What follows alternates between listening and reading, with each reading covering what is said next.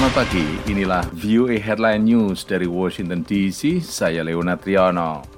Para Menteri Luar Negeri NATO akan bertemu selama dua hari di ibu kota Rumania, Bukares, mulai Selasa untuk menjanjikan dukungan berkelanjutan kepada Ukraina untuk melawan invasi Rusia. Pada konferensi pers hari Senin setelah pertemuan dengan Presiden Rumania Klaus Iohannis, Sekretaris Jenderal NATO Jens Stoltenberg meminta aliansi itu untuk meningkatkan dukungan di wilayah tersebut.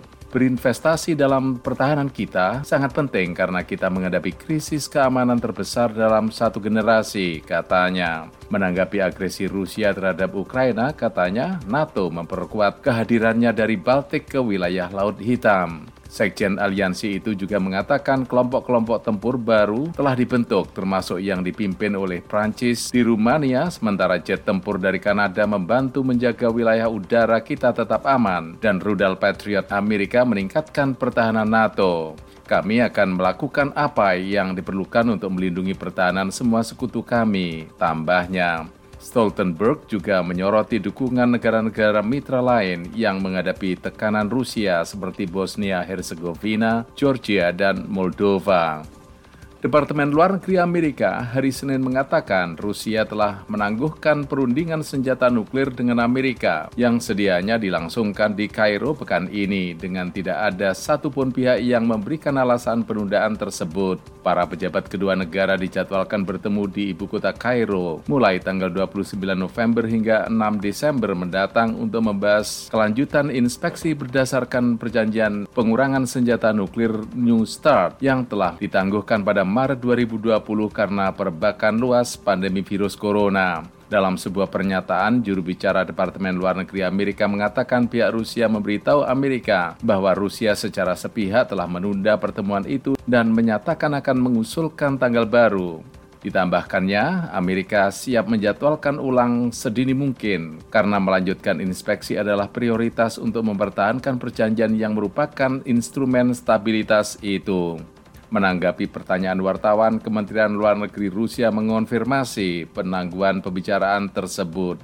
Perjanjian START yang baru dan mulai berlaku tahun 2011 membatasi jumlah hulu ledak nuklir strategis yang dapat digunakan Amerika dan Rusia dan soal penyebaran rudal dan pembom berbasis darat serta kapal selam untuk meluncurkannya. Dalam konferensi pers di Mogadishu pada Senin malam, juru bicara kepolisian federal Somalia Sidik Adan Ali Dodi She mengatakan pasukan keamanan telah mengakhiri pengepungan Hotel Villa Reis di ibu kota itu. Hotel yang terletak di dekat istana kepresidenan yang dijaga ketat itu diserang oleh militan Al-Shabaab yang memulai serbuan dengan bom bunuh diri. Juru bicara polisi mengatakan pasukan keamanan membunuh lima dari enam penyerang, sementara satu penyerang lagi meledakkan diri. Sidik Adan mengatakan Kawarej membunuh delapan warga sipil yang berada di hotel, sedangkan pasukan keamanan berhasil menyelamatkan 60 warga sipil lainnya dan tidak ada korban luka di antara mereka. Kawarej atau sekte sesat adalah istilah yang digunakan pemerintah untuk menyebut Al-Shabaab. Juru bicara polisi itu menambahkan bahwa selama operasi di dalam hotel, satu tentara tewas dan lima lainnya terluka.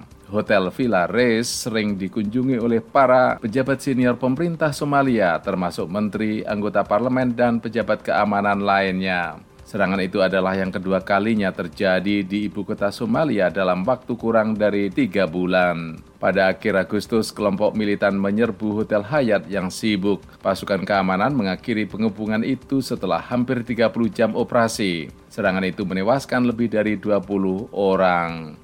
Mauna Loa di Hawaii, gunung berapi aktif terbesar di dunia kembali meletus untuk pertama kalinya sejak 1980-an. Keadaan itu mendorong pihak berwenang untuk menyiagakan kru darurat. Gunung berapi itu mulai memuntahkan lava dan abu pada minggu malam. Dinas Geologi Amerika USGS mengatakan pada hari Senin bahwa lahar tersebut tertahan di puncak dan saat ini tidak mengancam penduduk yang tinggal di daerah tersebut. Namun, lembaga itu mengatakan bahwa mereka yang tinggal di lereng bawah dapat mengalami hujan abu dan gas vulkanik. Demikian VOA Headline News dari Washington DC.